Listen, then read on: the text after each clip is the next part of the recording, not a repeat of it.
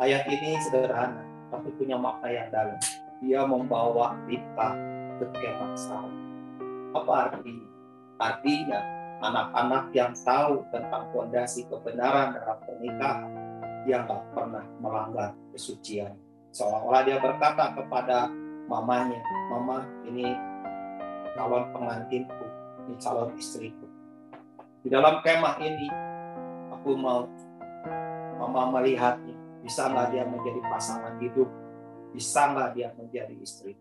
Ibu bagi anak-anakku, penerus anak-anak perjanjian Perkara yang gini, saudara, adalah perkara di mana seorang anak meletakkan fondasi demi fondasi sampai kepada hidup. Perkara-perkara di mana anak-anak bisa mengalami Tuhan dengan nilai-nilai yang kuat, itulah yang membuat